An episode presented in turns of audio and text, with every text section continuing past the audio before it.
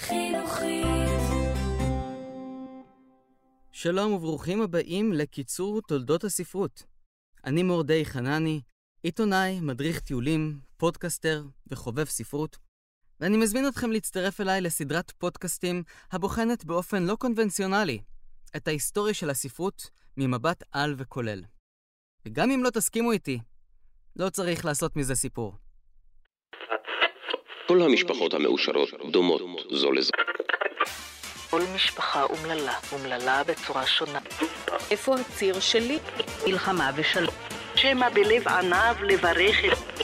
סביב לעולם ב-80 יום. צייר לי כבשה. מה אכפת לציפור?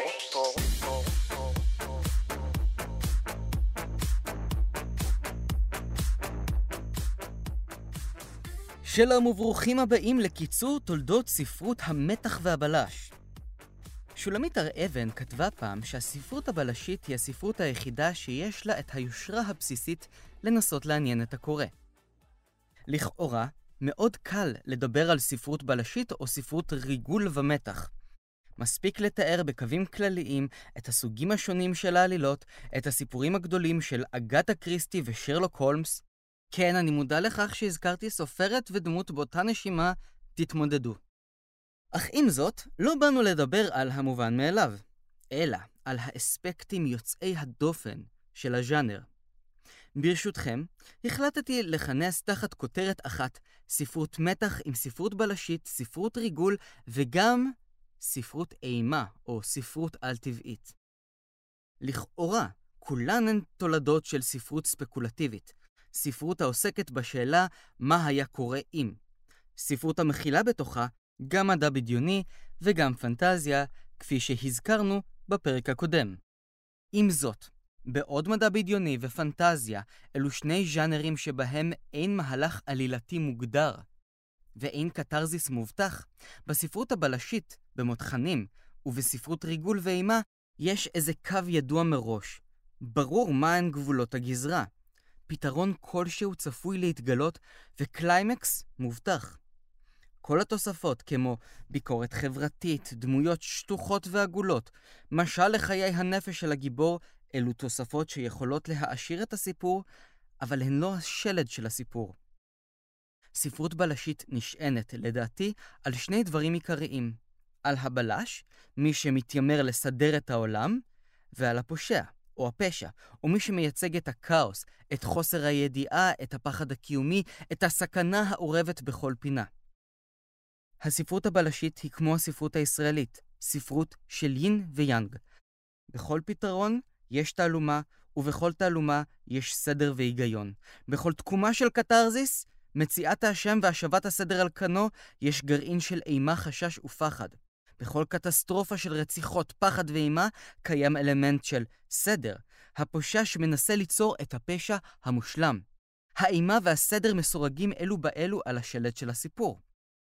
אבל ממה מורכב השלט של הסיפור עצמו? כאמור, מפתרון של תעלומה כלשהי, עם משימה שצריך לבצע, או מזימה שצריך לסכל. כל סיפור כזה הוא בהכרח סיפור בתוך סיפור.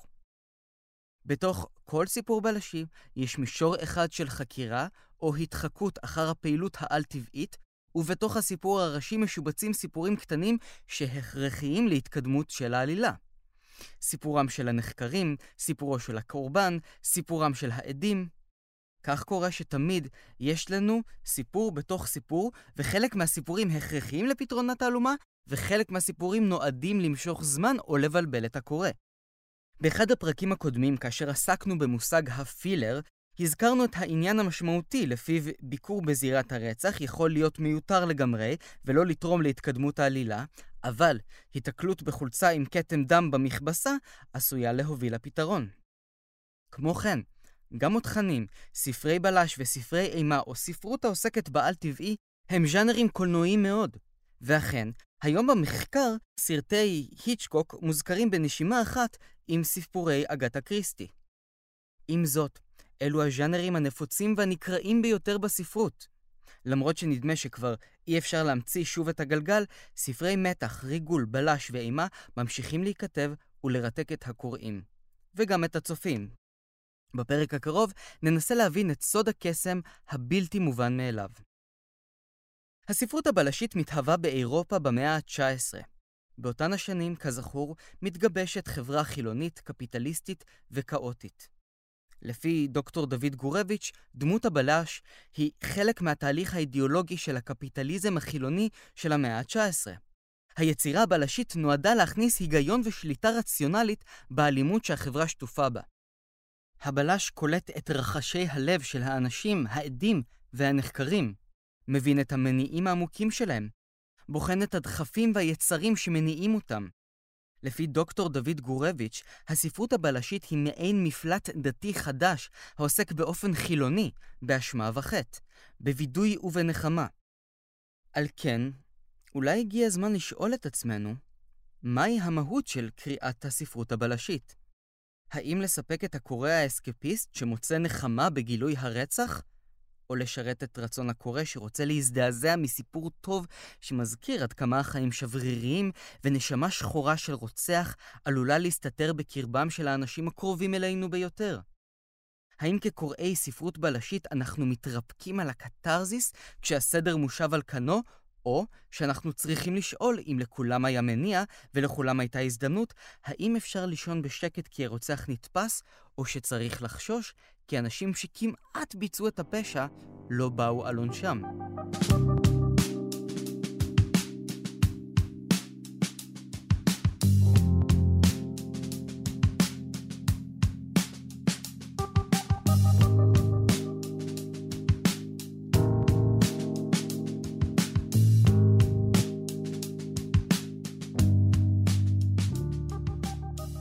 ספרי הבלשים מכילים בתוכם, כאמור, כמה מרכיבים ברורים, כמו חוקר עם תעלומה לא פתורה, מספר חשודים, ובעיקר, פתרון.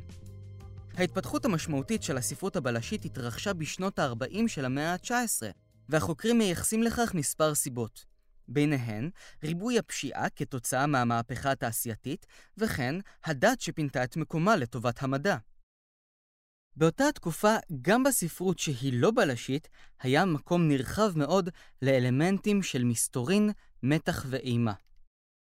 כך למשל, ברומן ג'יין אר של שרלוט ברונטה, אשתו המטורפת של מר רוצ'סטר הוחבאה כל אותו הזמן בעליית הגג והטילה אימה על יושבי הבית וגורמת לשריפת הבית עצמו.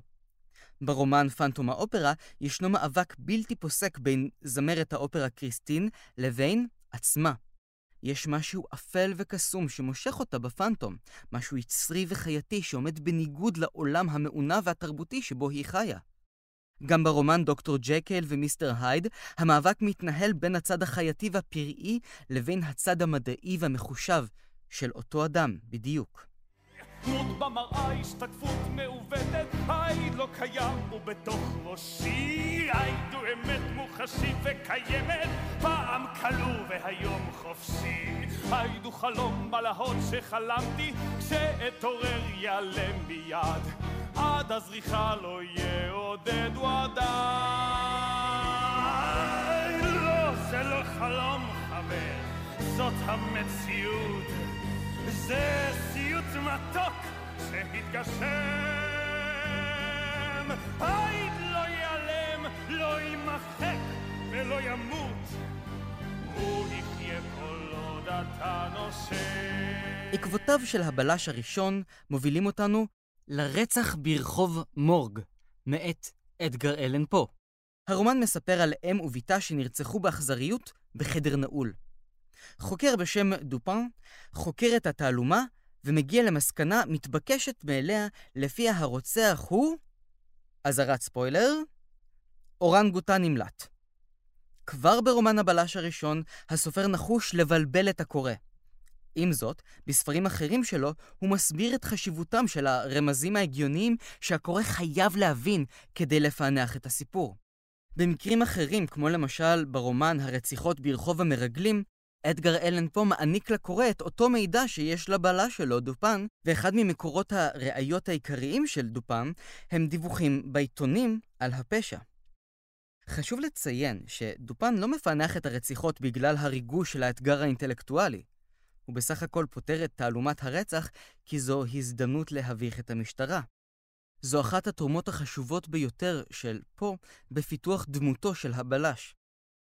למעשה, מאז ועד היום, הבלשים הגדולים הם אאוטסיידרים. למעשה, כל בלש טוב מגיע משולי החברה. ועל כך יספר לנו יונתן שגיב, כותב הספרים "אין סודות בחברה" ודברים שבשתיקה. במסורת הספרות הבלשית שהתחילה להתגבש עם הסיפורים הקצרים של אדגר אלן פו באמצע המאה ה-19, נוצר עיקרון מנחה שלפיו הבלש הפרטי מתפקד קרוב כאוטסיידר, לקהילות שאותן הוא חוקר ואפילו לחוק שאותו הוא אמור לשרת. שרלוק הולמס לדוגמה אינו חלק מהסקוטלנד יארד בלונדון, הרקול פוארו הוא חוקר פרטי בבריטניה, אבל הוא זר במדינה מבלגיה, וגם באמריקה משנות ה-30 והלאה, בפריחה של מה שנקרא hard boiled detective, חוקרים פרטיים כמו פיליפ מרלו וסם ספייד הם זאבים בודדים וקשוחים שאינם נמנים על זרועות החוק. למעשה אפילו חוקרים שאינם חלק מהמשטרה, כמו לדוגמה מרטין בק וקורט ולנדר, הן הדמויות שמתמודדות עם אלכוהוליזם, גירושים וכן הלאה, שתמיד מציבים אותם גם כחיצוניים למערכות בהם הם מתפקדים. לאאוטסיידריות הזאת של הבלש יש חשיבות רבה בספרות ויש לה גם הרבה סיבות. הראשונה היא שבתור האדם שאמון לחקור את הפשע, העמדה החיצונית של האאוטסיידר מאפשרת לבלש לשמור על ריחוק מכל מחויבות או נאמנות לקהילה שאותה הוא חוקר. הוא נותר כך עצמאי ובמובן הזה גם תלוש ובודד. העצמאות הזאת מאפשרת לו לחקור, לשאול ולערער על הנורמות החברתיות והתרבותיות שמפעילות את החברה ושמשמשות גם כמסכות לאנשים וליצרים והמניעים שגורמים להם לפשוע. ברמה האפלה יותר, האאוטסיידריות הזאת של הבלש גם יכולה להיות מקבילה בעצם לאאוטסיידריות של הפושע שאותו הוא אמור לתפוס. שניהם נמצאים מחוץ לקהילה, מחוץ לחוק, מחוץ לנורמות, ובגלל זה הרבה ספרי בלש מתעסקים גם בקרבה הנפשית המסוכנת בין החוקר לנחקר, או לחילופין גם בשחיתות ובפשעים שנעשים בתוך החוק עצמו, בממשלה לדוגמה או במשטרה. גם הבלש שאני כתבתי בספרים שלי, אין סודות בחברה ודברים שהשתיקה יפה להם, הוא אאוטסיידר. עודד חפר, הקרוי גם החופרת, הוא אאוטסיידר בחברה הישראלית בגלל כמה סיבות. הוא גם באמצע שנות ה-30 שלו, תחקירן מובטל וחסר כסף שחי בתל אביב, מה שממקם אותו בעמדת אה, ילד נצחי שלא התבגר. והוא גם הומו פטפטן ורכלן שמדבר על עצמו ואל אחרים בלשון גם של זכר וגם בלשון נקבה. מה שמאפשר לו לחתור תחת חלוקות נוקשות בלשון ובחברה של זכר ונקבה, גבר ואישה, הומו וסטרייט וכן הלאה. האאוטסיידריות הזאת של עודד מאפשרת לו הרבה חופש פעולה.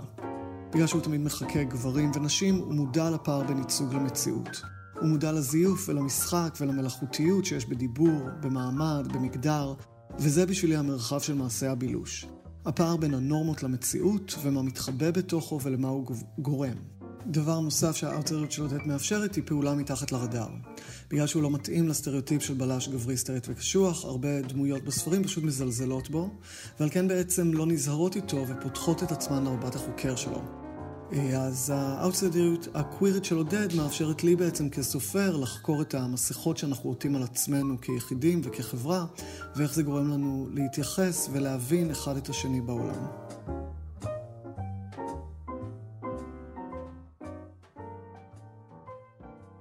היורש של דופן הוא כמובן שרלוק הולמס, הבלש מאת ארתור קונן דויל. כמו אביו הרוחני, דופן, גם הולמס הוא בלש חובב שמזלזל במופגן במשטרה, עמיתיו המקצועיים בפתרון הפשע. אבל בכל זאת יש הבדל אחד מהותי. עבור שרלוק הולמס, גילוי פשע זה לא תחביב, זה ייעוד. הוא מנהל חקירות במקביל, אוסף פרטי מידע, מארגן לעצמו תיקיות עם רמזים. עם זאת, שרלוק הולמס עדיין לא בלש מושלם. כלומר, ארתור קונן דויל הוא לא סופר מושלם. במקרים רבים, פתרון התעלומה לא נעוץ ברמז מיוחד, בפליטת פה של אחד החשודים או בתשומת לב לכתם של דם. במקרים רבים מדובר באגודות סתרים או סמלים מיוחדים שרק שרלוק הולמס מכיר. הקורא לא שותף פעיל בחקירה. הקורא לא יכול לאתגר את עצמו. זה כמו לצפות במישהו אחר פותר תשבץ. הדבר לא הפריע לקוראים של הולמס לדרוש מארתור קונן דויל להמשיך ולתאר את עלילותיו של הבלש, למרות שלסופר נמאס והוא הורג אותו, ואז הוא נכנע ומספר כי למעשה במשך כל אותו הזמן שרלוק הולמס הסתתר במדינת בהוטן שבלב הרי ההימאליה. גם דופן וגם שרלוק הולמס הם שני האבות הגאים של ספרות הבלש. השאלה היא האם היורשים של הספרות הבלשית הולכים בעקבותיהם, או שהם ממציאים את הז'אנר מחדש. כדי להבין את משמעותו של הבלש המודרני, בואו נפנה לרגע ליוון העתיקה. בשנת 300 לפני הספירה, בערך, אריסטו כתב את הספר פואטיקה, ספר שהניח את יסודות הדרמה המשמשת אותנו עד היום. מכירים את זה שבכל סדרה, בכל סיפור ובכל הצגה, בכל סצנה או פרק, יש מספר מסוים של דמויות ועיסוק בנושא אחד ספציפי, או במספר נושאים שמקושרים ביחד? ההגדרה האלמותית של אריסטו מתקיימת עד היום. עם זאת, ספרות בלשית היא ספרות שצריכה להמציא את עצמה מחדש. לראיה, בואו ונבחן את המקביל הבלשי של אריסטו. בשנת 1929 ניסה את כוחו הסופר האמריקאי רונלד נוקס בניסוח עשרת הדיברות של כתיבת ספרות הבלש. חלפו 90 שנים עד לזמן אמירת שורות אלו, וכמעט אף דיבר כבר לא רלוונטי. הדיבר הראשון, כבד את קוראיך ואת קוראותיך, ותמיד תדאג שהרוצח יופיע בתחילת הסיפור, אבל שהקורא לא יחשוד שזה הוא. 2. לא תפתור את התעלומה באמצעות אלמנטים על-טבעיים. 3. לא תתאר בסיפור יותר מחדר סודי אחד. 4. לא תתאר רעלים שטרם התגלו. 5. לא תציג דמות של סיני בסיפור, כי ידוע שסינים הם רשעים ולכן תהרוס את המתח כי כולם יחשדו בדמות של הסיני. 6. לא תכונן את הבלש באינטואיציה על-אנושית. 7. שמור על הרמז המפליל לקודשו, הרחיקהו מעיני הקורא. 8. לא תענה בבלשך עוזר בלש שיותר חכם מהבלש עצמו. 9. לא תפליל את הבלש בביצוע הרצח שהוא עצמו חוקר. 10. לא תציג זוג תאומים, אלא אם כן הכנת את הקורא מראש.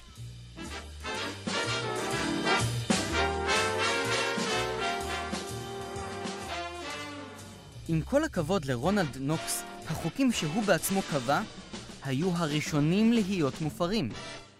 הספרות הבלשית ממציאה את עצמה מחדש כדי לא לחזור על אותם האלמנטים ואותן העלילות ואותם הרמזים ואותם הפתרונות שכבר הוזכרו בספר אחר. בואו נבחן את הסופרת הגדולה ביותר של עולם הבלש ולמעשה של הספרות במאה ה-20. אגתה קריסטי, האישה שהפכה את עולם הבלש על פיו. ברוכים הבאים לעולמה של אגתה קריסטי, האישה שעשתה לעולם הספרות הבלשית את מה שאגם הברבורים עשה לעולם הבלט. הדמויות של קריסטי הן לב-ליבם של הרומנים והסיפורים שכתבה. כך למשל, היא יצרה את דמותו של הבלש הבלגי המסופם הרקול פוארו. קריסטי הבינה את החשיבות של שיתוף הקורא ושימוש במסתורין ובבדיחות מתוחכמות. כמו קודמיו, גם הרקול פוארו הוא מעין נטע זר. בתור בלש בלגי העובד באנגליה, הוא אאוטסיידר מטבעו. הזרות של פוארו נותנת לו מרחק מהתרבות האנגלית, שגורמת לו להיראות אובייקטיבי יותר, מסוגל יותר לראות את מה שאחרים עשויים להתעלם ממנו. וחשוב מכל, דמויות אחרות בסיפורים של פוארו ממעיטות בערכו דווקא בגלל הזרות שלו ותכונותיו הקומיות. כך ניתן למצוא בסיפור רצח באוריינט אקספרס, מצב שבו ערב רב של דמויות עומדות לחקירה. החקירה נערכת באשר לרצח שהתרחש בקרון רכבת סגור במהלך נסיעה מקונסטנטינופול שבמזרח לצרפת שבמערב. הדמויות לועגות לו, אבל כולן השתתפו ברצח ביחד. אף אחד לא מעריך נכונה את האינטליגנציה של הרקול פוארו, והוא מנצל את הזלזול בו. מלבד דמותו של הרקול פוארו, אנחנו יכולים למצוא גם את דמותה של החוקרת מיס מרפל. לראשונה, יש לנו חוקרת שלא מסתמכת על ידע מדוקדק באגודות סודיות ובחקירות מסועפות. מיס מרפל היא הבלשית הראשונה שמבינה את הקהילה שבה היא חיה, ואת הטבע האנושי. היא הבלשית הראשונה שניתן ללמוד ממנה על החיים. גם היא אאוטסיידרית. רווקה זקנה שחיה בלב הכפר, אבל היא עושה ככל שביכולתה כדי להגן על הקהילה. עם זאת, אגתה קריסטי היא ההוכחה לכך שלעיתים המציאות עולה על כל דמיון. בשנת 1926, אגתה קריסטי נעלמה למשך 11 ימים. חצי בריטניה חיפשה אותה, והחצי השני עסק בספקולציות לגבי ההיעלמות שלה. בסופו של דבר, חדרנית מבית מלון קטן בעיר הרוגייט שביורקשיר, דיווחה שהסופרת הנערצת שהתה כל אותו הזמן במלון, שתתה תה, עשתה מסאז'ים וקראה בעיתונים על ההיעלמות של עצמה. עד עצם היום הזה לא נפתרה החידה. מה אגתה קריסטי עשתה במשך כל אותו הזמן? הרופא אמר אמנזיה. המעריצים אמרו שיטת מכירה חדשנית. ראש העיר של הרוגייט אמר, נהפוך את המקום הזה למוקד עלייה לרגל. העילה סביב הרוגייט הקטנטנה המשיכה יובל שנים לאחר מכן. בשנת 1982 הם אפילו השתמשו בקלף של אגתה קריסטי כדי לארח את האירוויזיון שאבי טולדנו כמעט זכה בו.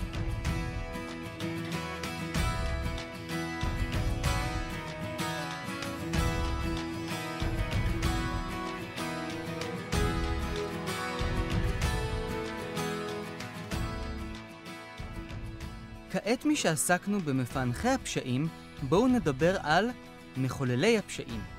הנבלים, הפושעים, אלו שנתפסים בסוף, או אלו שמצליחים לחמוק מעונש. נסכים מראש כי כדי להבין את הפושע, הבלש חייב להיות מסוגל לחשוב כמו הפושע, והפושע חייב לחשוב כמו בלש. הדוגמה הקלאסית ביותר היא דמותו של מוריארטי, היריב הנצחי של שרלוק הולמס, ומי שמנסה להרוג אותו. הבלש הבריטי מנסה לתפוס את מוריארטי, אבל הוא לא יכול שלא להעריץ את הפושע השופע מיומנות, אינטליגנציה ועקשנות. במאה ה-19 ובתחילת המאה ה-20, רוב הפשעים בוצעו על רקע של חמדנות. זו הסיבה שבגללה שרלוק הולמס פותר מקרי רצח מעטים בלבד, ולרוב עוסק בגנבות או הונאות. במשך הזמן, המניע של הפושע הופך להיות רציני יותר. רצח הופך להיות מושג מלא תוכחה, וסופרים רבים הופכים את ההזדהות של הקורא עם הרוצח לתחבולה ספרותית. כך למשל, אגתה קריסטי המציאה את הפושע שמנסה להביא צדק. כמו למשל, השופט ב- "ואז נעלמו כולם", רומן שבו אדם שעובד בתור שופט מחליט להוציא להורג בעצמו פושעים שיצאו זכאים בבית המשפט. זו לא הפעם האחרונה שקריסטי תשלב בין דמות הבלש, איש הצדק, לדמות הנבל. מה שיהפוך לאלמנט ספרותי שיצמיח תת-ג'אנר בפני עצמו. בספר רצח רוג'ר אקרויד, אגתה קריסטי עושה החלטה נועזת מאוד. היא בוחרת בדוקטור שפרד, דובר הסיפור בגוף ראשון, כמי שמתגלה בתור הרוצח. מכיוון שהסיפור מסופר מנקודת המבט של שפרד, אנחנו נוטים מטבע הדברים להאמין בו ולבטוח בו. בסוף הקריאה, המרחק הבטוח בין הפושע לבין הקורא מתמוטט, ואנחנו מבינים כי שמחנו על מישהו שלמעשה היה שקרן מלכתחילה. כללי המשחק נשברו. במקרה אחר ניתן לציין את הרומן הקלאסי של ג'ים תומפסון מ-1952, הרוצח שבתוכי. רומן המתואר מנקודת המבט של סגן שריף של עיירה קטנה בטקסס ורוצח סדרתי שהוא אותו אדם, והוא חלק מצוות החוקרים שמתחכה אחר הרציחות שהוא בעצמו ביצע. הסינרגיה בין הרוצח לבין הבלש מגולמת גם בסדרת הספרים של ג'ף לינזי, שהפכו לסדרת המופת דקסטר, העוסקת בדקסטר מורגן, אנליסט במשטרת מיאמי שמנתח זירות רצח על פי דפוסים של ניתזי דם. דקסטר מאתר מידע משטרתי על עבריינים שיצאו זכאים מחמת הספק ומחמת הבירוקרטיה של מערכת המשפט הרשמית. הוא מבקש לעורר בקורא או בצופה חרדה באשר לאופן שבו רוצחים יוצאים זכאים, אבל מנגד, הוא זה שגוזר עליהם את עונש המוות ורוצח אותם. לעתים הקוראים מזדהים עם הפושעים, עד כדי כך שהפושע ולא הבלש, או אוכף החוק, הופכים להיות הגיבורים, והמוקד העיקרי של הנרטיב. לפעמים זה עובד, ולפעמים זה נכשל. כך למשל הסדרה בית הנייר, שמסופרת מנקודת מבט של חבורת שודדים שמארגנים שוד של מיליארדי יורו במטבעה הלאומית של ספרד. ההזדהות עם הפושע נחשבת לעתים כעניין בסיסי מאוד בז'אנר המתח והבלש. דמות הפושע שלוקחת את מרכז תשומת הלב היא דמותו של הגנגסטר, מי שלוקח חלק ברשת ענפה של פורעי חוק. מריו פוזו כתב את הרומן המפורסם שלו, הסנדק, שהפך את הגנגסטר לגיבור האולטימטיבי. באופן דומה, בתוכנית הטלוויזיה הסופרנוס ניתן למצוא דוגמה חדשה יותר לסוג כזה של נרטיב. בסדרה משפחה של רוצחים ושודדים שמייצגת את המשפחה האמריקנית כולה. במקרה כזה, הסדר החברתי וההפרה שלו נמצאים באותו אדם, באותה חברה ובאותה צורת התנהגות.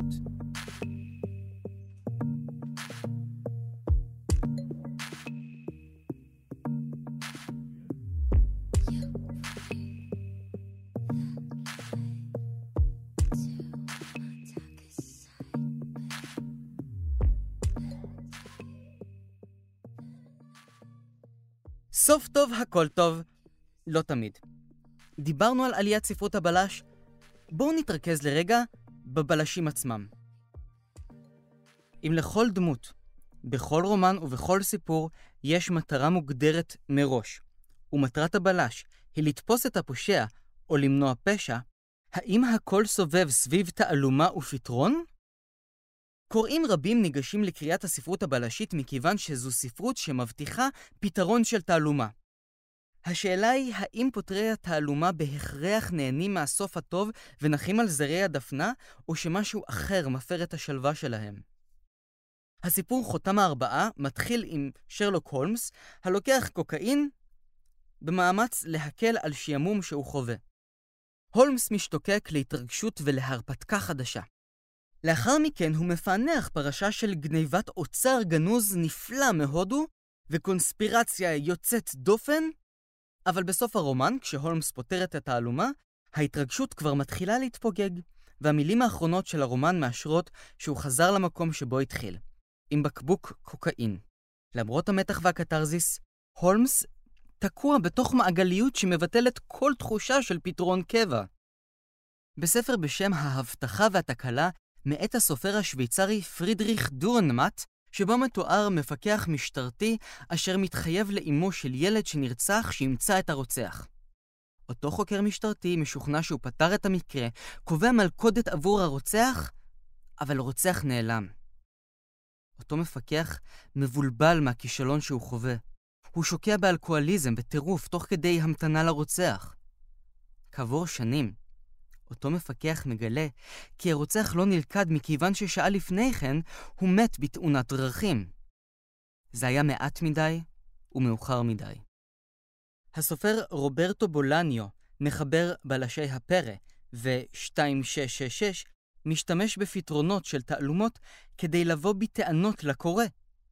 למה אתם מתעניינים במשהו חמור ומחריד שקרה בקצה השני של העולם, כאשר מעשים כאלו כמו רצח נשים למשל, זה עניין יומיומי שמצריך שינוי של התודעה האנושית.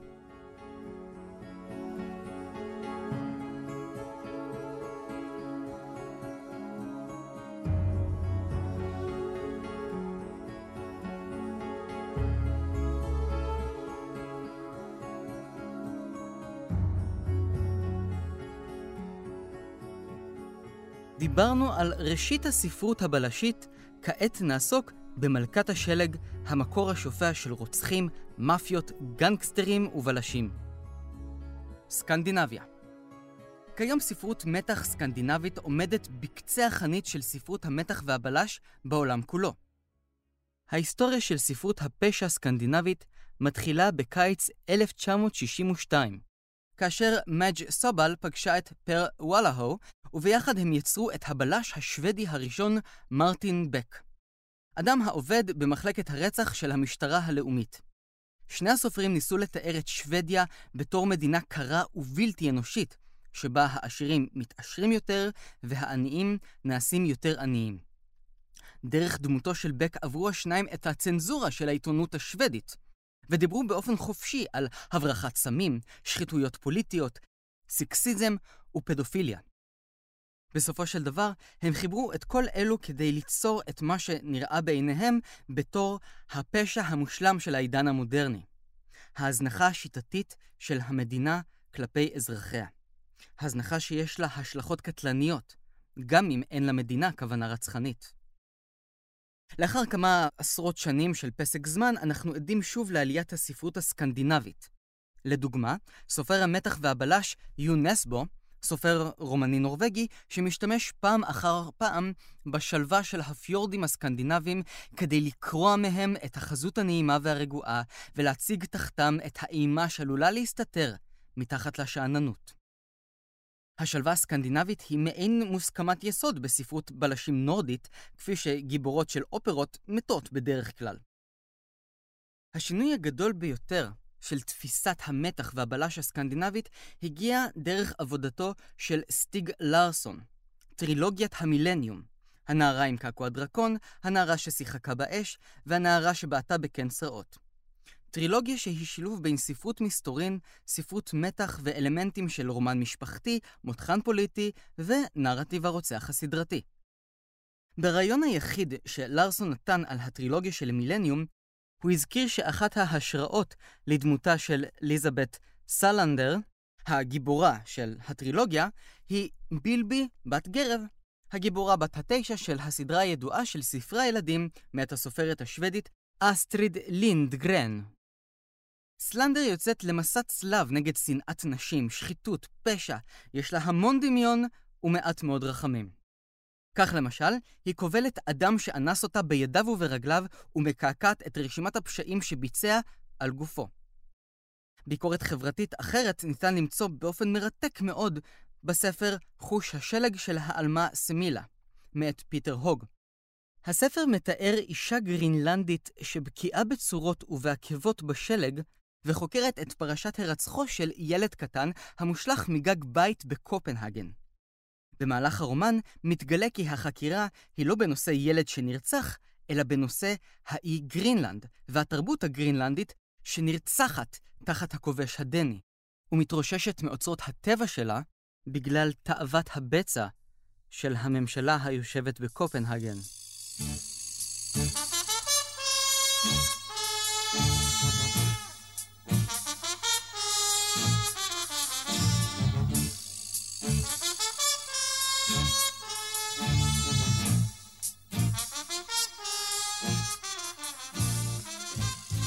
האם בלש תמיד חייב להיות בעל מקצוע?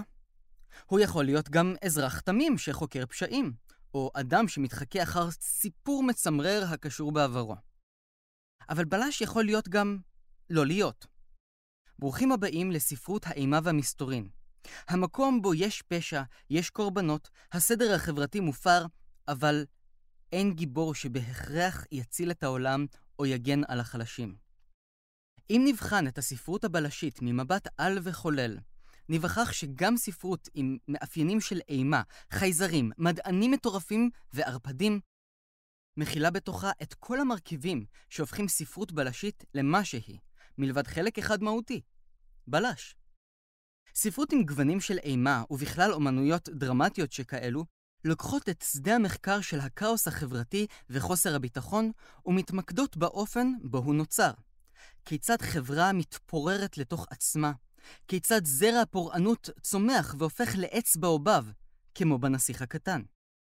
כך למשל אפשר לציין את קרי מאת סטיבן קינג, המספר על נערה צעירה שהבנות האחרות מתעללות בה בבית הספר. בביתה הפרטי היא נאבקת להישאר שפויה אל מול השתלטנות של האימא הפנאטית הדתית שלה. כאשר בדיחה על חשבונה של קארי, במסיבת הסיום מסתבכת, פורצים מתוכה יכולות טלקינטיות שזורעות הרס וחורבן שמחסלים חצי עיר והורגים את תלמידי בית הספר. סטיבן קינג מפנה את השאלה אלינו, הקוראים. שבירת הסדר החברתי באה לידי ביטוי עם יצורים חצי אנושיים כמו מפלצות, זאבי אדם או ערפדים.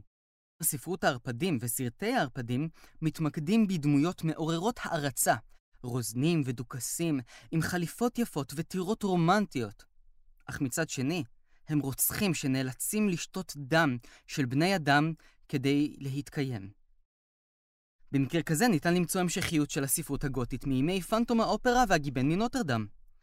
עם זאת, ערפדים במשך הזמן הפכו לסקסים, והדבר מוסיף מימד חדש שמטלטל את הקורא. בעד מי אני?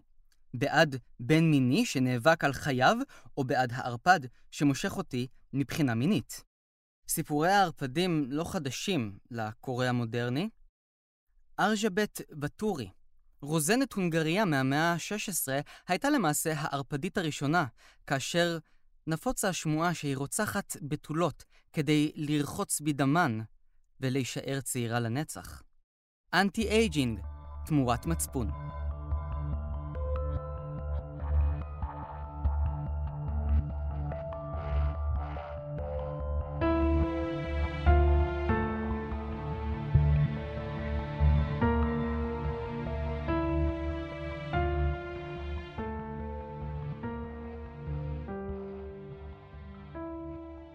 בספרות אימה הכותב יוצא מתוך נקודת הנחה שהקורא רוצה להזדעזע, לחוות חוויה מסעירה ולערער את הבטוח והמוכר. ספרות אימה טובה מנצלת את השאלות הללו ומעניקה לקורא שתי ברירות. האם להתמסר ליצר ההרס, או לייחל להשבת הסדר החברתי שיבטל את הכוחות השליליים? ספרות הבלש הישראלית החלה את דרכה לצד הספרות הישראלית עצמה.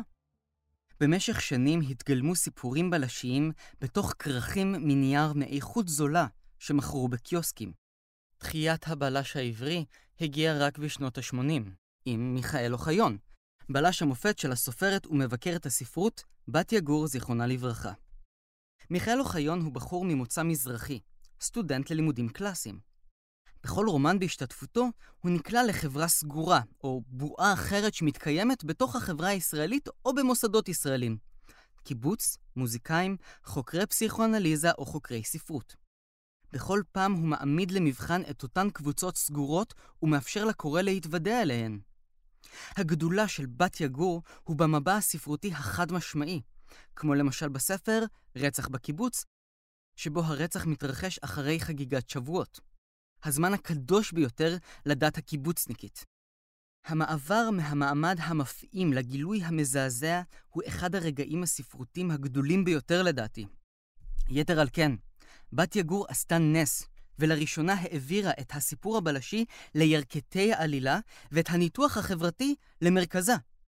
בספר מוות בחוג לספרות היא סוגרת חשבונות דרך סיפור רצח בצמרת הבון טון הספרותי. באשר לדמות של אוחיון עצמה, נכתב לא מעט שכן הוא גבר מזרחי, שנכתב על ידי אישה אשכנזייה. נניח את העניין בצד, ונבחן מקרה דומה. עם הבלשית עיתונאית ששמה נאמר בנשימה אחת עם מיכאל אוחיון, למרות שאין לו שום קשר אליה. ליזי בדיחי, גיבורת ספרה של שולמית לפיד, מקומון, ועוד כמה ספרי המשך. בספר מקומון, ליזי מתחקה אחר עלילת רצח שבו נרצחת אלכסנדרה, רעייתו של השופט המחוזי פנחס הורנשטיק, מי שמתגלה בתור הרוצח. הסיפור טוב, העלילה קולחת. אך עם זאת, הספר היכה גלים בעולם הספרותי, בעיקר בגלל דמותו של הורנשטיק שהיה הרוצח.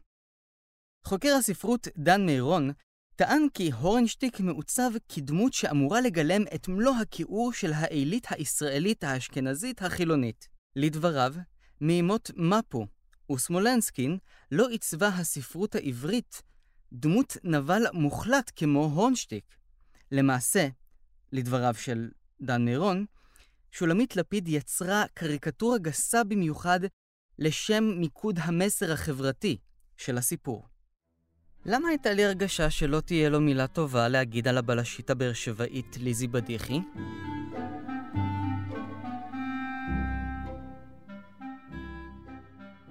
בדומה לספרות הסקנדינבית, גם כאן כותבי הספרות הבלש הישראלית משתמשים בז'אנר הפופולרי כדי לעקוף את הממסד הספרותי הנוקשה ולהגיע לקהל קוראים רחב. אך בשונה ממנה, כפי שטוען הסופר דרור משעני בספר תיק נהדר, בישראל קשה מאוד לבסס דמות אמינה של בלש. אין כאן רוצחים סדרתיים, חטיפות, היעלמויות של אנשים, ורוב מקרי הפשע מבוצעים על ידי קרובי משפחה או אנשים שמוכרים לקורבן. גם בספרות הבלש הסקנדינבית וגם בישראלית מציפים נושאים חברתיים. עם זאת, בספרות הסקנדינבית, עצם התרחשות הפשע במקום שלב כמו פרבר פסטורלי הוא ביקורת חברתית. ועלילת איסוף רמזים ותחקור עדים היא מרכז הסיפור. בספרות הבלש הישראלית נוטים לטשטש את הגרעין הבלשי או להעביר אותו לירכתי הסיפור, כדי להבליט את הנושאים החברתיים או האישיים. יונתן שגיב עשה זאת בספר אין סודות בחברה, כאשר הבלש עודד חפר, גיבור הספר, מתאמץ לצקת משמעות בסיפורי בילוש חסרי משמעות רק כדי לצאת מהבית ולהתנער מהבדידות. שמעון הדף עשה זאת באופן מרתק בספר קובלנה של בלש. ספר שמתאר בצורה מותחת את היעלמותה של צעירה משדרות שמאבדת את הזיכרון במהלך מבצע צוק איתן. לאחר שהדף מושך את תשומת הלב של הקוראים, הוא מתפנה לעסוק בנושא האמיתי שמעניין אותו בסיפור. גיבור הספר, אליש בן זקן. אדם שנפרד מאשתו וחווה משבר כתיבה. כאן נשאלת השאלה, האם סופר יכול להצהיר על עלילה בלשית ולהזניח אותה לטובת סיפור אחר שלא קשור בכלל? תשאלו את שמעון הדף שאיתר את הספר בשיחות והרהורים על ספרות בלשים וכיצד היא צריכה להיכתב. הספרות הבלשית הישראלית אומנם עקפה את הממסד הספרותי וניפקה עלילות על שולי החברה, אבל מה קורה כשהספרות בעצמה לא מסוגלת להכיל נושאים שנויים במחלוקת? במקרה כזה, יוצרים משחק מחשב.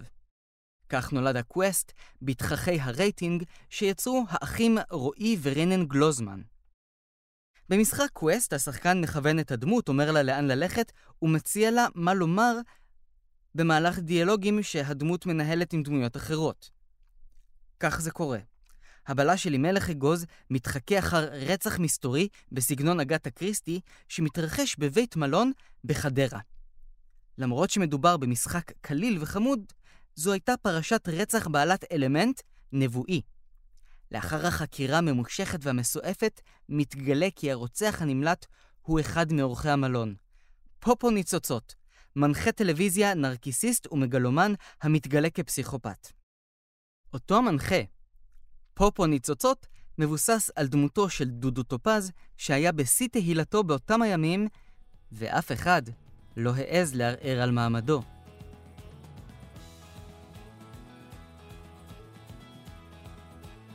איך לעזאזל דיברתי על משחק מחשב באמצע פודקאסט בנושא ספרות? מה זה קשור? בפרק הבא שיעסוק בספרות בעידן המדיה, אנחנו נבין מה זה קשור. בפרק הבא נשאל כיצד הספרות תוכל להמציא את עצמה מחדש בעידן הפייסבוק והטוויטר. האם ולדימיר נבוקוב, מחבר לוליטה, קיבל פרס נובל? איזה מגזין צרפתי טוען שלא נכתבה שום יצירת מופת מאז שנת 1982? ואיך אפרים קישון עשוי להיות הפתרון. תודה לסופר יונתן שגיב, ותודה לאלעד לוין על העריכה הטכנית. הסדרה קיצור תולדות הספרות הופקה על ידי הספרייה המרכזית לעיוורים ולבעלי לקויות קריאה, המרכז לתרבות מונגשת עבור החינוכית.